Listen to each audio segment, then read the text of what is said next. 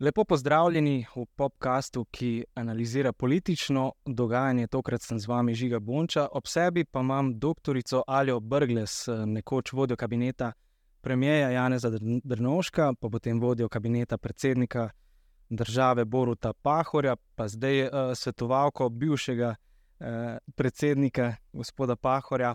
Uh, spremljite, prosim, iskrene izraze dobrodošlice. Najlepša hvala, sem vesela, da sem z vami. Um, ne bo čist klasičen podcast, ne začneva z aktualijami, ampak recimo, da greva najprej v leto 2020. Um, takrat sem bil um, recimo del enega pogovora med uh, ljudmi, ki so bili izrazito nezadovoljni nad delovanjem takratne vlade. Po, prav poletje je bilo to. Um, in smo razmišljali, kaj bi se spremenilo, če bi bili pravzaprav drugi ljudje um, na oblasti. Mogoče takrat niti ne veliko, ker je pač korona narekovala dogajanje.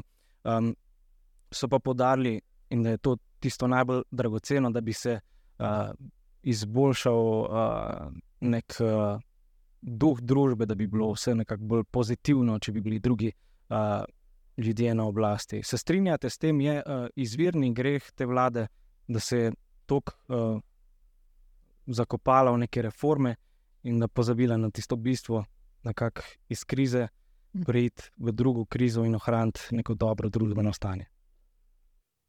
Uh, mislim, da bi bilo prav, da se večkrat spomnimo tega leta 2020. To je bilo za vse nas zelo posebno leto, še nikoli prej ni bilo takega. Um, in en tak prevladujoč sentiment takrat pri vseh je bil, ne samo pri vaših, mogoče sogovornikih, da si želimo nazaj v neke čase, ko ni bilo COVID-a, ko ni bilo omejitev, ko ni bilo pač teh vseh uh, do takrat neznanih uh, postopkov pri tem, da smo sploh lahko uh, živeli. Um, in takrat se je temu nekako, če se spomniva, reklo, da bi se radi vrnili v normalnost. Uh, to je bilo, če me vprašate, v bistvu glavno geslo te vlade, ki jo imamo zdaj, da bo ona zagotovila nazaj normalnost. Seveda je takrat to v političnem smislu pomenilo še nekaj drugega. Ne? Je tudi pomenilo, da bo drugačna, kot je bila prejšnja vlada, zato ker To je pa potem zdaj, uh, bi rekla, uh, sklepanje, ki ni popolnoma uh, direktno, ne?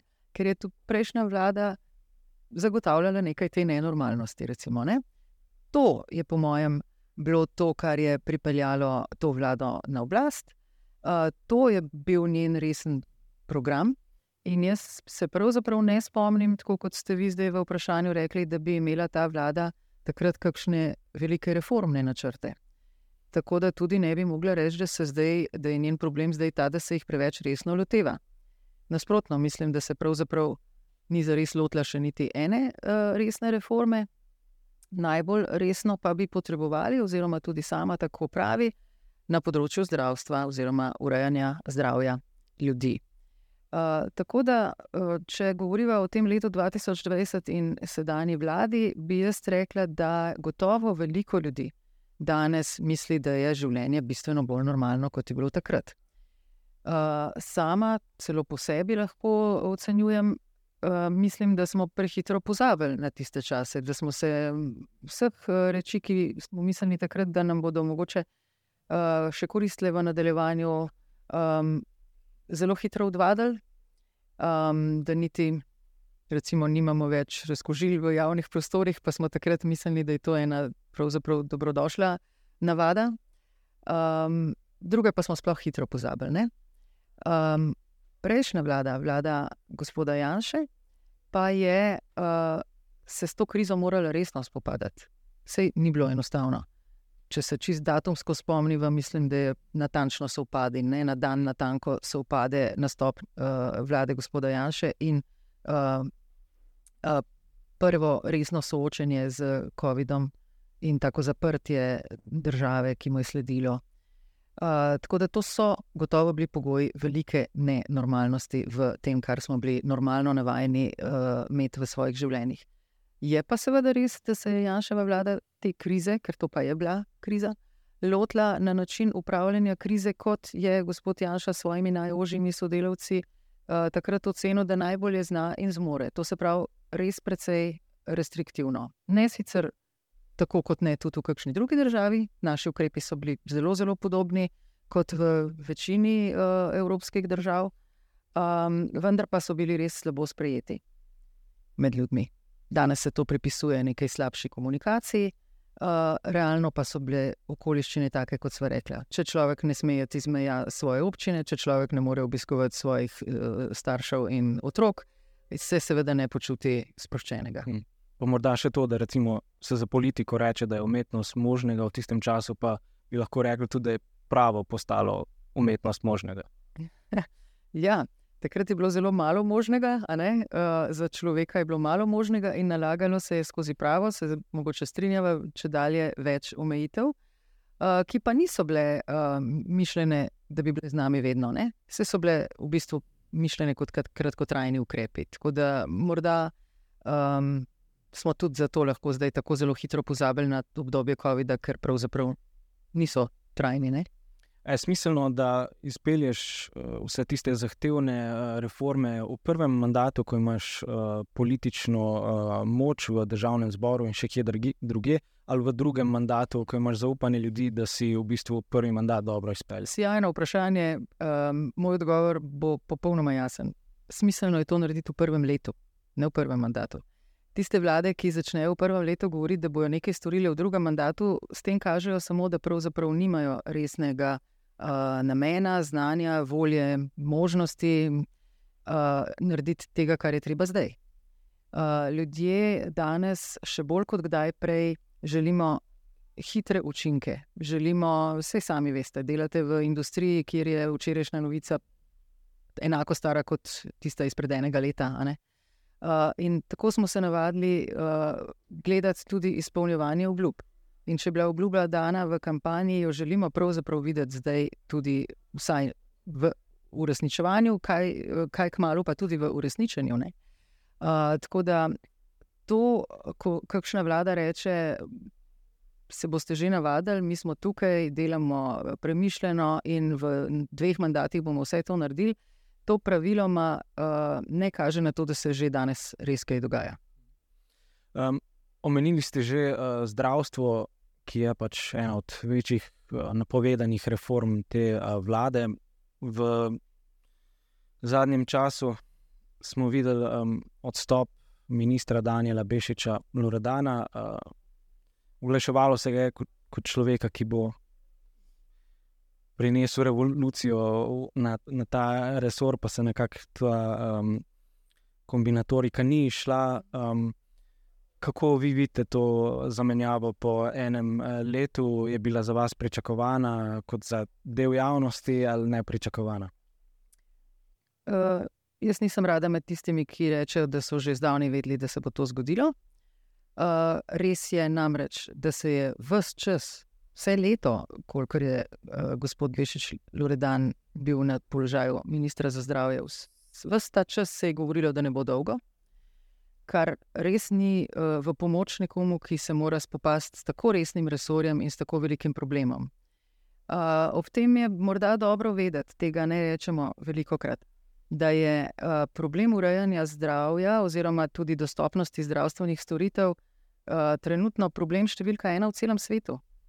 To ni nekaj, kar bi pri nas posebej problematično bilo, zato ker smo nekoč imeli na nek način urejeno zdrav, javno zdravje, ki je to pokrivalo celoto vseh storitev znotraj zdravstvenega, uh, zdravstvene oskrbe ljudi, potem pa smo dobili uh, tudi še del uh, zdravstva, ki je bodi si privaten ali pa uh, ima koncesije za upravljanje te dejavnosti.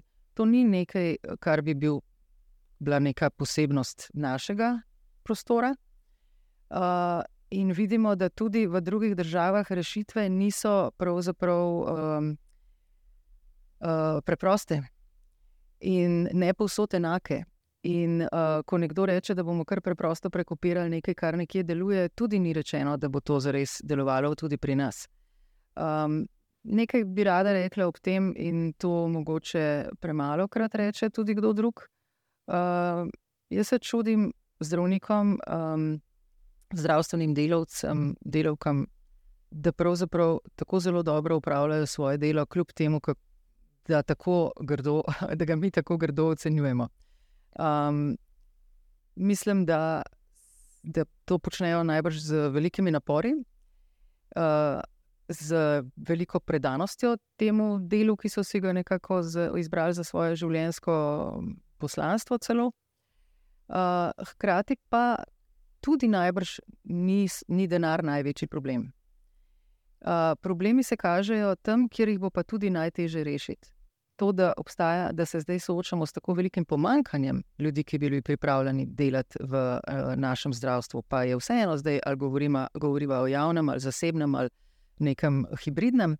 Uh, to bo tako velik problem, da mu seveda noben minister ne bo zlahka kos in mu tudi nobena vlada ne bo kar hitro mogla um, um, najti rešitve. Zato, če je bilo to tudi del vašega vprašanja, sem jaz v skrbeh, uh, ko razmišljam, kdo se bo tega sploh lotil. Zdi se mi namreč, da ljudje, ki resnično kaj vedo o zdravstvenem, o urejanju zdravstvenega področja in ki bi se tega znali morda tudi zelo odgovorno lotiti, vedo, da je to tako težko, da, bo, da se morda ne bodo. Skratka. Um, zadeva je pa tako resna, da uh, jo je treba se je lotiti hitro, takoj, Um, skrbi me, ker nekateri pravijo, da je bilo tole leto uh, ministra Loredana pravzaprav leto zdaj morda izgubljenih ali zamujenih priložnosti. On je gotovo nekaj v tem času počel, ampak če bo zdaj njegov naslednik začel vse spet od začetka, potem je to res, da se v enem letu nismo premaknili naprej, morda celo nazaj. Problemi, ki sem jih prej omenjala, od teh kadrovskih do še kakšnih, pa so med tem večji, kot so bili pred enim letom. Uh mhm. -huh. Vse, kako vi to vidite, ne? kdo bi si pravzaprav želel v takem času prevzeti ta resor? Ne? Je v bistvu na nek način po eni strani uh, ta resor, kot da bi na obrežju opazoval, kako se ti približuje tsunami, in po drugi strani imaš pa ti že um, izdelano vizijo, kakšna naj bi bila ta reforma, in v bistvu. Če prav razumem, vse pričakuje, da bo prišel na ta resor nekdo, ki bo dobil na mizo program in mu bo rekel, da tu imaš vse, samo poskrb, da bo stvar narejena. To ni povsem enostavno vprašanje, seveda. Ena velika sprememba se je zgodila zdaj z ukinitvijo tega dela zdravstvenega zavarovanja. To je stvar, o kateri se je govorilo leta, morda več kot desetletje, in tega nobena vlada ni mogla narediti. Iz tega lahko ocenjujemo, ocenjujeva, da za to ni bilo niti političnega konsenza, nikoli, niti uh, še drugih silnic, ki ponavadi botrujejo temu, da se kakšna rešitev laže sprejme. Zdaj pa se je, ker tako igraje, pravzaprav ne. Brez, uh, ne morem reči, da ni bilo javne razprave, je, je bilo nekaj ne? in tudi zelo dolgo jo že pravzaprav uh, uh, spremljamo, ampak vendarle, pravzaprav razmeroma hitro. Uh, to bo tudi imelo neke neposredne učinke na to, kdo uh, se bo tega resorja lotil, oziroma kakšnega človeka naj bi se pravzaprav iskalo. Se zdaj je največja dilema ta, ki je pravzaprav tudi ni nova, ali naj bo zdravstveni minister uh, zdravnik, ali je bolje, da ni in da je bolj menedžer. Uh, imeli smo že take in drugačne primere, se mi zdi, da sicer veliko več, če pogledam po spominu, da je bilo veliko več zdravnikov. Um, nimam pa pravzaprav. Uh, vsaj v zadnjih nekaj menjavah, prav zelo dobrega spomina na nobenega uh, zdravstvenega ministra. Hočem reči, ne spomnim se nikogar, ki bi rekla, tak, če bo še enkrat tako, kot je bil ta, potem smo na dobri poti. Tako da mislim, da je tukaj še eno veliko iskanje pred nami. Ga ne zavidam predsedniku vlade, sploh ker je on večkrat uh, povedal, da se zaveda resnosti tega resorja in tega vprašanja.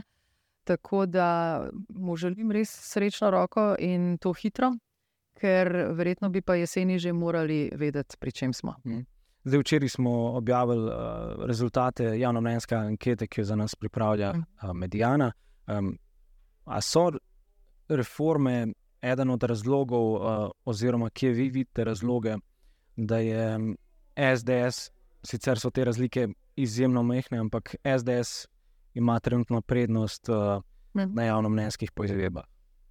Jaz sem že prej rekla, da jaz mislim, da uh, to, da bi bila vlada preveč posvečena reformam in da bi ljudje to tako zamerili, da ne bi bili nad njo več tako navdušeni, kot so bili pred enim letom, to ne obstaja. Uh, prej bi rekla, da vlada se reform ni lotila, uh, da ljudje čutijo, da se nič takšnega ne dogaja, da bi vedeli, da so v varnih rokah, ali pa da bi z veseljem šli na počitnice in vedeli, da bo jeseni se lepo vrniti domov in v službe, in v šole, in v bolnice. Um, bi pa rekla, da uh, to ni spet ne nek posebno nov fenomen. Čeprav vem, je to zdaj drugič zaporedoma se zgodilo. Razlike tudi prej niso bile tako velike, ja. tukaj gre pravzaprav za neko menjavo, ki se bo verjetno še kdaj zgodila med prvo in drugo stranko. Uh, razlika je predvsem v tem, da podpora stranke, ki je na oblasti, ni več tako visoka, kot je bila v času izvolitve. Ampak to pa je spet nekaj povsem uh, razumljivega. Takrat smo rekli, da je ta uh, izvoljena vlada končala neko obdobje nenormalnosti. To nenormalnost je povzročalo zelo veliko uh, faktorjev in ne samo prejšnja vlada. Uh, obljubljala pa je takrat dve stvari. In reforme niso ena od teh dveh. Obljubljala je uh, predvsem, da bo delala vse drugače, kot je delala prejšnja.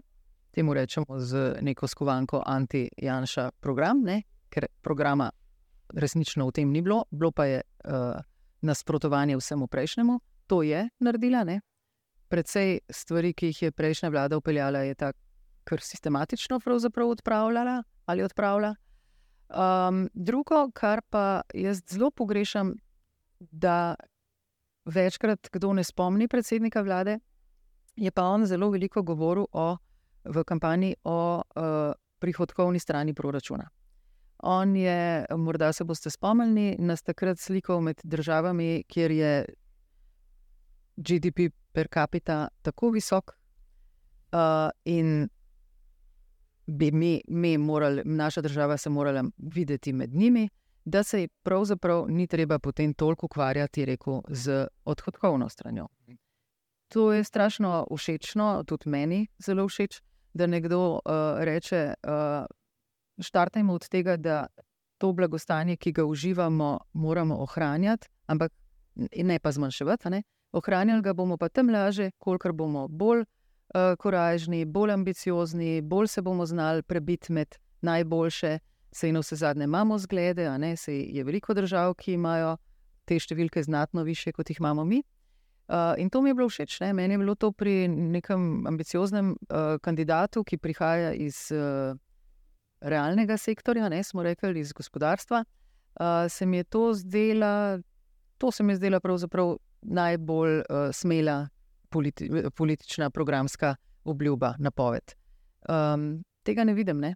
vidim, da se na odhodkovni, če še enkrat uporabim ta izraz, strani zelo veliko dela, da pravzaprav to lažemo strašno um, mnogo apetitov različnih povpraševalcev. Um, na tej bolj ambiciozni strani pa nisem še videla niti reformnih, niti realnih uh, učinkov.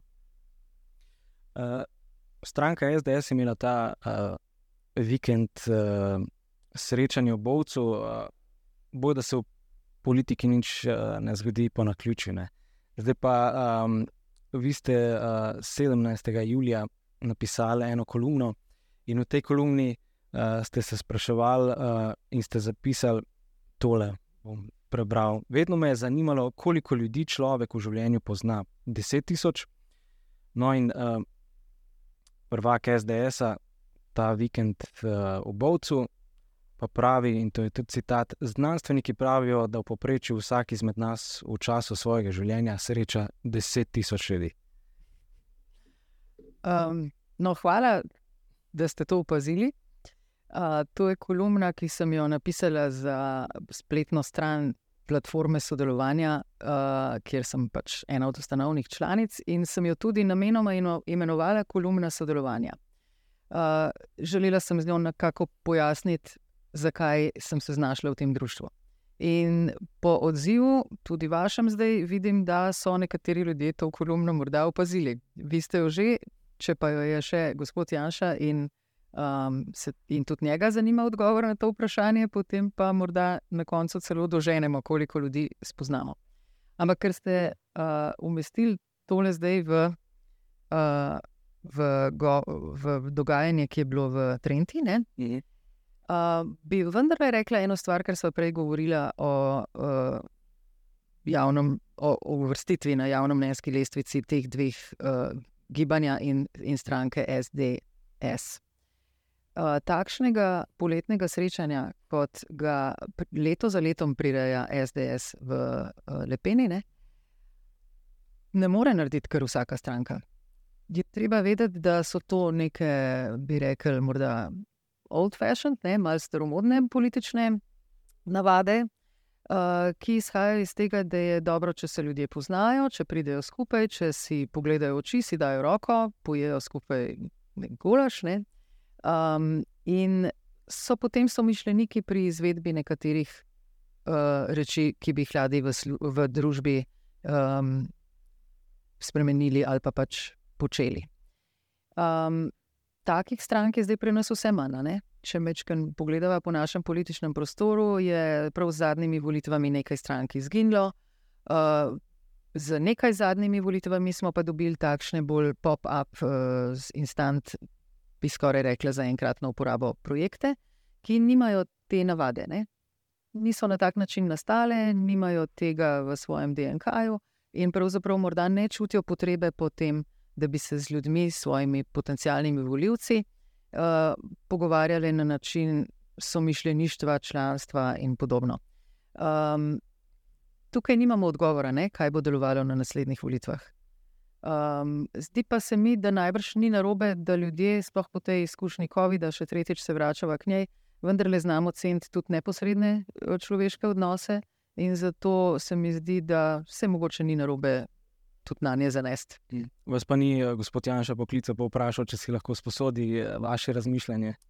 Se jaz pravzaprav nisem tam dokončno ugotovila, koliko uh, ljudi spoznamo.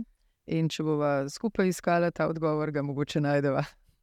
Uh, pa vas morda skrbi, da SDS trenutno tudi gradi svojo, uh, recimo, temu kampanjo na vprašanjih, kot so uh, spolna identiteta in pa sproža neko retoriko državljanski vojni.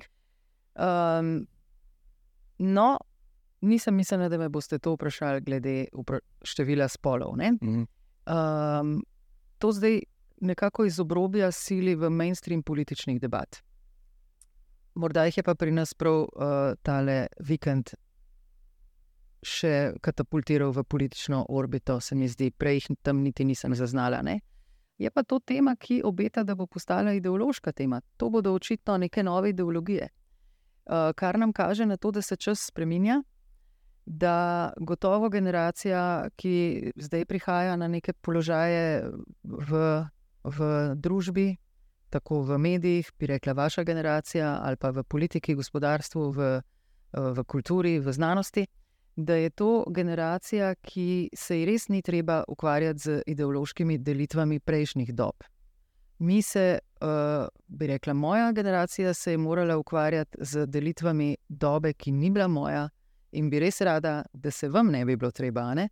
Uh, jaz pač vsakokrat, ko grem čez kongresni trg in vidim tam spomenik sprave, ki mislim, da je ena večjih pridobitev um, našega mesta in en večjih dosežkov mandata predsednika, nekdanjega predsednika Boruta Pahorja, mislim, da to tam stoji z nekim razlogom. In si mislim, da glede na to, da se tam dogajajo neke stvari, polaganja venca, prihajajo tuji državniki um, nam čestitajo, da smo znali pustiti eno breme naše polpretekle zgodovine za sabo, da to ima nek smisel, da to, tega bremena prav zato mlajše generacije ne smete več čutiti, upam, da ga ne. In boste, boste pa gotovo uh, morali se znajti v nekih novih ideoloških delitvah. Zdaj, če, če bo to vprašanje uh, morda spolne identitete, uh, odločanja glede takšnih stvari, ki se jim bo potem po eni strani rekel naravno pravo, po, po drugih um, um, sociološki konstrukti. Ne? uh, se boste morali v njih znajti. Zdaj se zdi, da uh, to nedvoumno in nezaustavljivo prihaja na dnevni red politike. Morava pa vedeti oba, da politika take teme vedno samo uh, izrabi in zlorabi uh, za neke namene, nikoli jih pravzaprav zares ne rešuje. Uh, in drugi del vašega vprašanja, ki pa je nedvomno izrekel besedno zvezo državljanska vojna, uh, tukaj pa se uvrščam med vse, ki, ki to pograjamo. Mislimo, da so to neke besede, ki se jih ne, uh, ne uh, navrže kar tako mimo grede v javni diskurs, da uh, so bile nespretno, prehitro um, izrečene in da so sprožile strašno velik vihar s katerim pa je, to pa je treba povedati, uh, gospod uh, Janša opozoril na, uh, na neko dejstvo, ki bi sicer morda šlo precej bolj neopaženo mimo. Namreč na dejstvo, da je njegova vlada ustanovila dan spomina na žrtve komunističnega režima, da je ta dan spomina prišel, da so ga uh, neki ljudje, ki se čutijo uh, dolžni morda.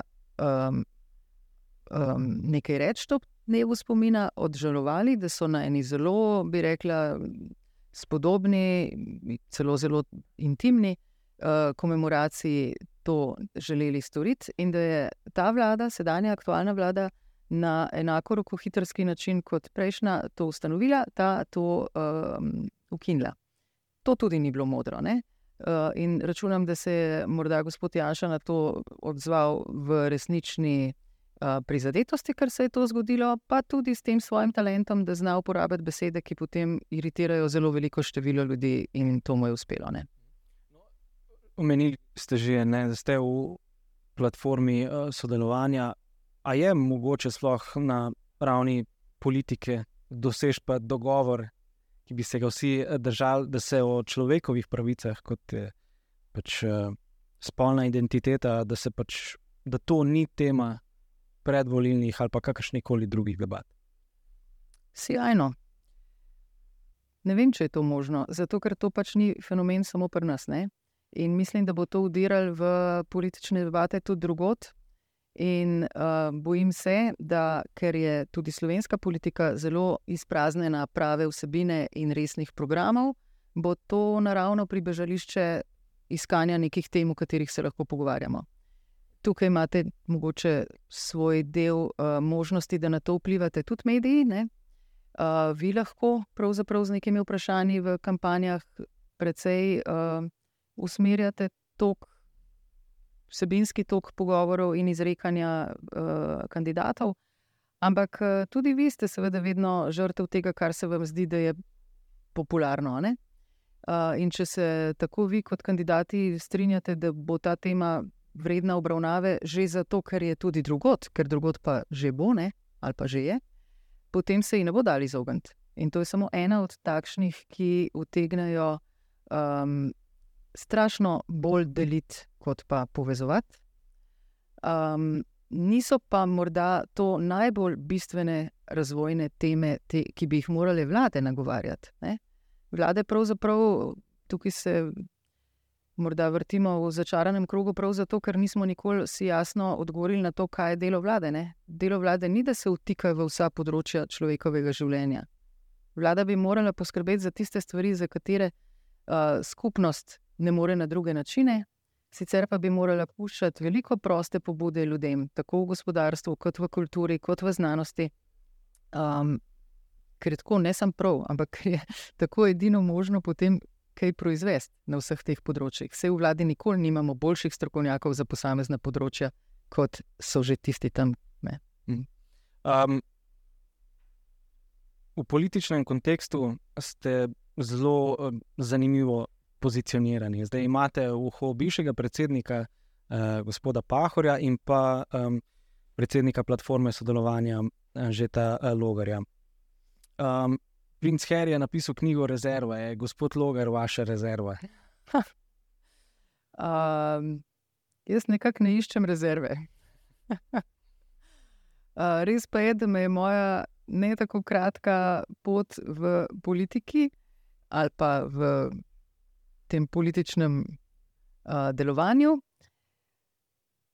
obtesala v človeka, ki ve ali pa čuti, no, da samo s sodelovanjem lahko kam pridemo. Ne? In to se ni začelo pri Borutu Pahorju, čeprav lahko rečem, da sem v tistem času lahko gotovo sodelovala pri najbolj uh, monumentalnih ali pa ikoničnih projektih, uh, ki so dokazovali to usmeritev.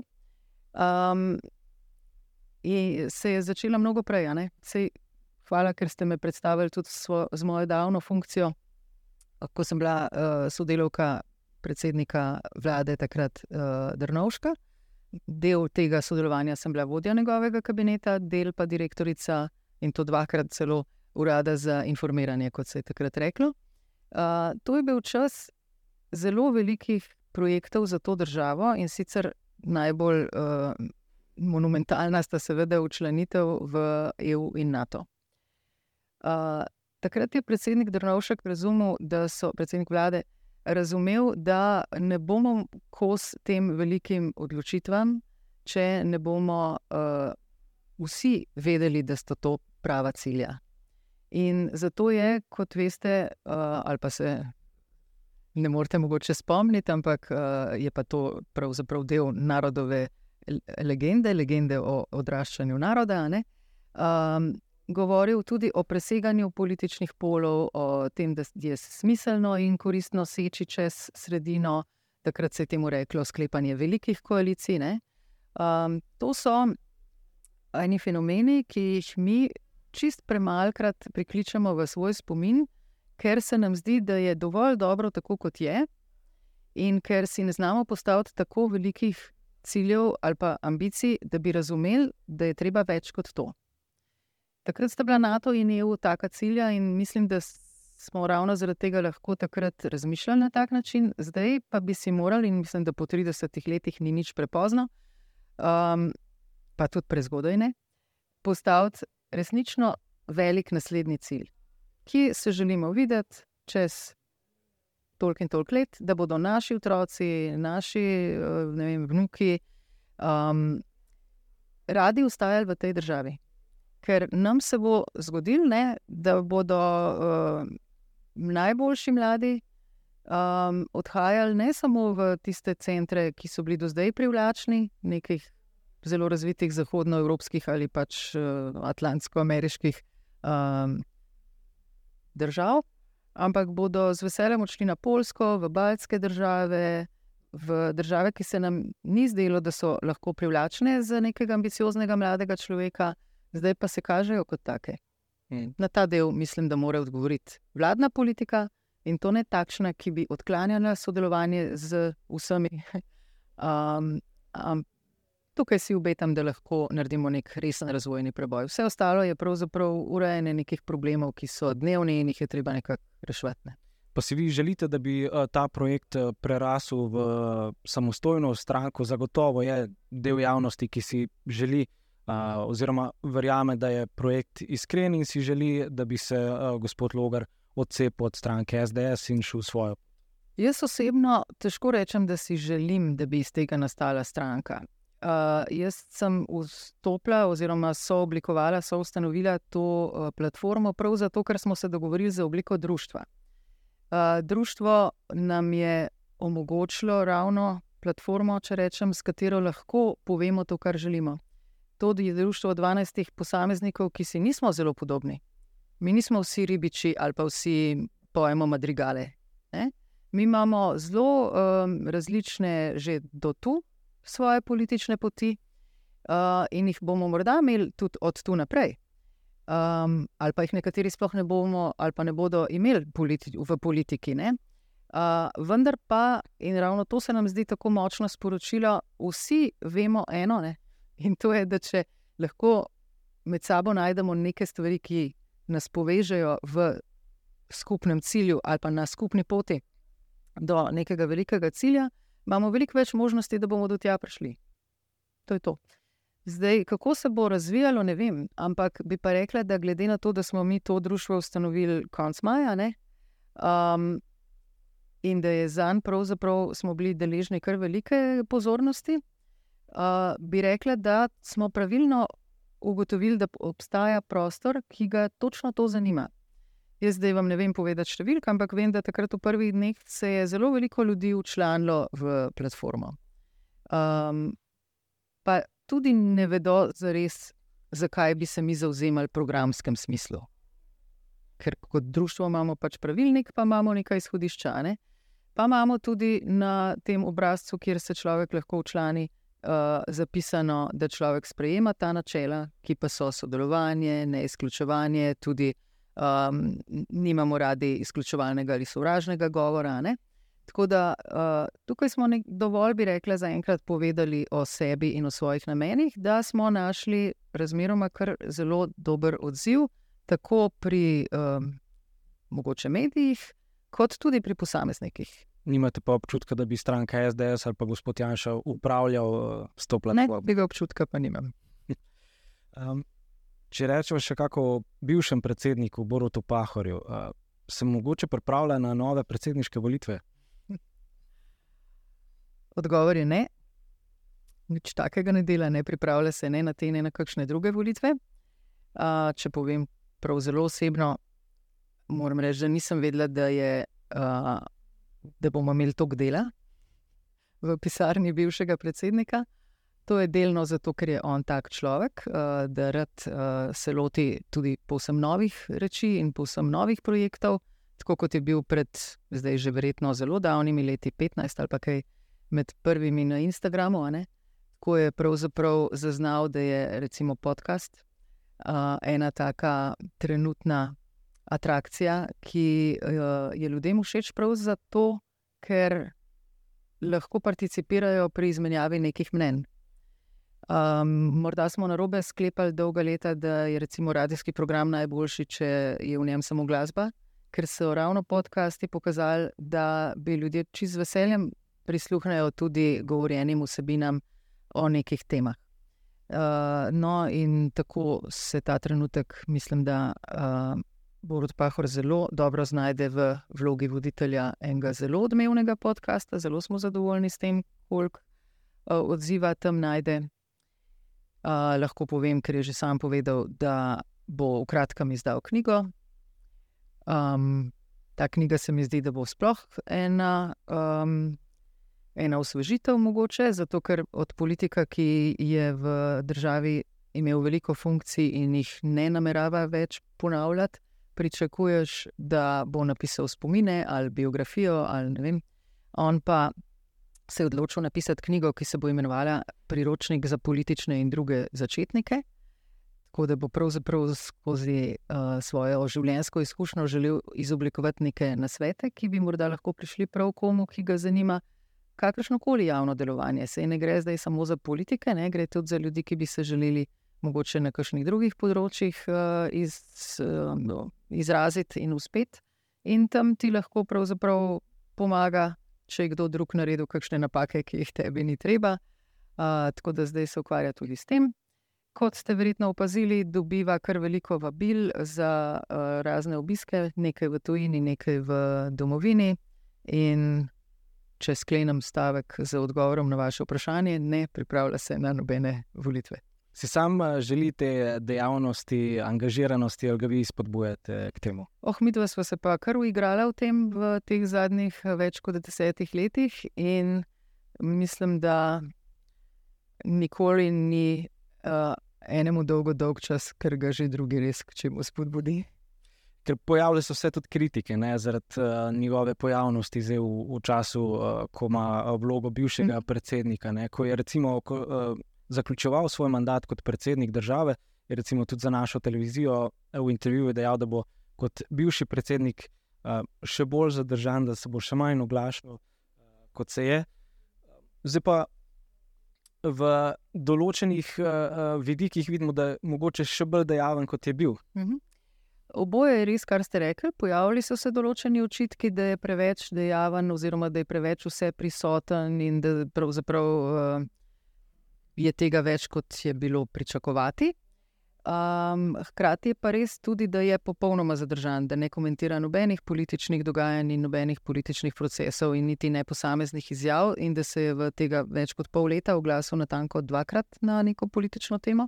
In to enkrat, ko je šlo za, kot smo že prej tudi mi dva omenila, dan ukinitve, ukinitev dneva spomina na žrtve komunističnih. Še to. Ja.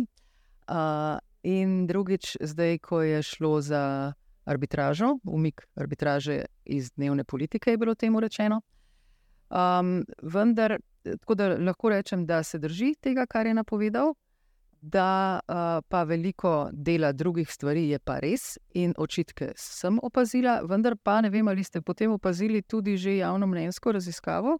Ki so jo pri uh, ugledni časopisni hiši naročili v namen uh, vprašanja ljudi, kaj mislijo o tem, kjer so pa v prevladujočem deležu rekli, da ni nič narobe, da naj kar nastopa, da ne posega v noben prostor nikogar drugega.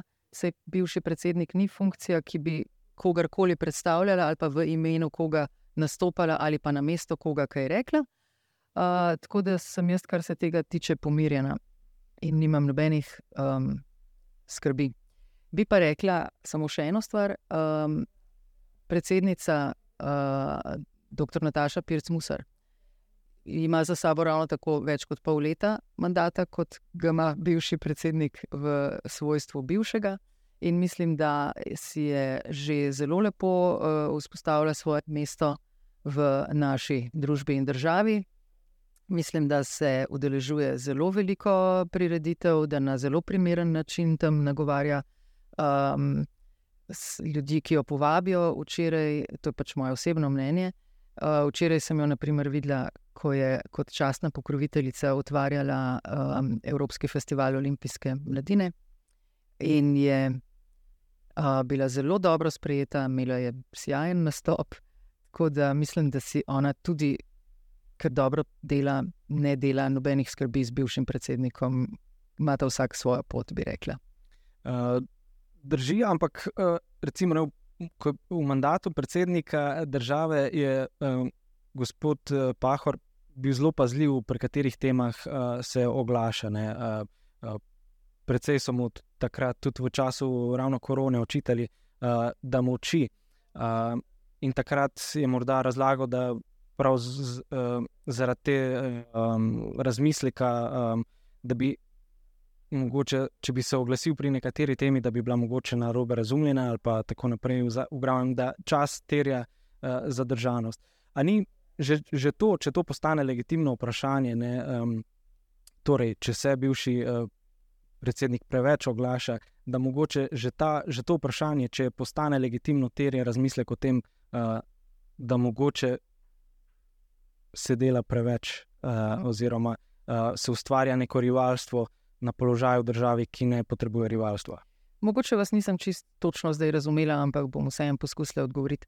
Uh, prej smo ugotovili, da se ne oglaša preveč, da v hmm. političnem prostoru ne izreka nobenih mnen, kar tako ali prepogosto, ali sploh samo dvakrat se je. Um, v času dveh mandatov je bilo pa približno tako, kot ste rekli, mečke drugače. No, bom povedala. Rekl je, da se ne bo oglašal na uh, teme, um, ne zato, ker bi, kako ste že vi rekli. Skratka, vedel je, da če se na eno temo, se bo moral potem na vsako take vrste vprašanje izrekati. Predsednik države pa ni notranje politični komentator in tudi ni um, nek usmerjevalec tega, kaj bi bilo pravilno misliti ali reči. Sej so tudi drugi ljudje v državi, ki imajo ravno tako lahko mnenja, jih izrekajo, oblikujejo in povejo, in sami za nje odgovarjajo z vso odgovornostjo svojega političnega ali kakšnega drugega javnega položaja. Uh, tako da predsednik Pahor nikakor ni se oglašal premalo. Uh, on je vse, kar je mislil, da je pomembno in potrebno povedati, izrekel na svojih številnih uh, nastopih, govorih. Ne vem, če veste, tako le debela knjiga govorov je potem izšla po uh, dveh mandatih. res pa ni želel postati nek dežurni uh, komentator vsakodnevnega dogajanja, kar mislim, da je za vsakega predsednika dobro, če mu uspe, da to ne postane. Uh, samo še to uh, in končava. Je bilo prav, da se je udeležil uh, proslave, ko je država uh, praznovala 32 let uh, na vrhniki, um, govorilo se je o tem, da je to alternativna proslava, čeprav pač uradno uh, tega imena uh, ni imela. Ker recimo pred leti na tisti tudi tako imenovani alternativni mhm. proslavi v koronskem času, uh, pa predsednika ni bilo. Uh, zdaj najprej naj poveva, da se je seveda pre, bivši predsednik udeležil osrednje državne proslave, te na kongresnem trgu. Uh, in še to vam lahko povem, da je, da je v šestih ali sedmih dneh pred neposredno okoli uh, praznika dneva državnosti je mislim, da bil na desetih prireditvah, pa šestkrat od tega govoril na teh prireditvah, tako da je dobil resnično zelo veliko vabil od v glavnem občin ali pa drugih prirediteljev, in eno takšnih je bilo tudi to na vrhniku. Tako da tega mi nikakor nismo, uh, to ni bila no, alternativna proslava.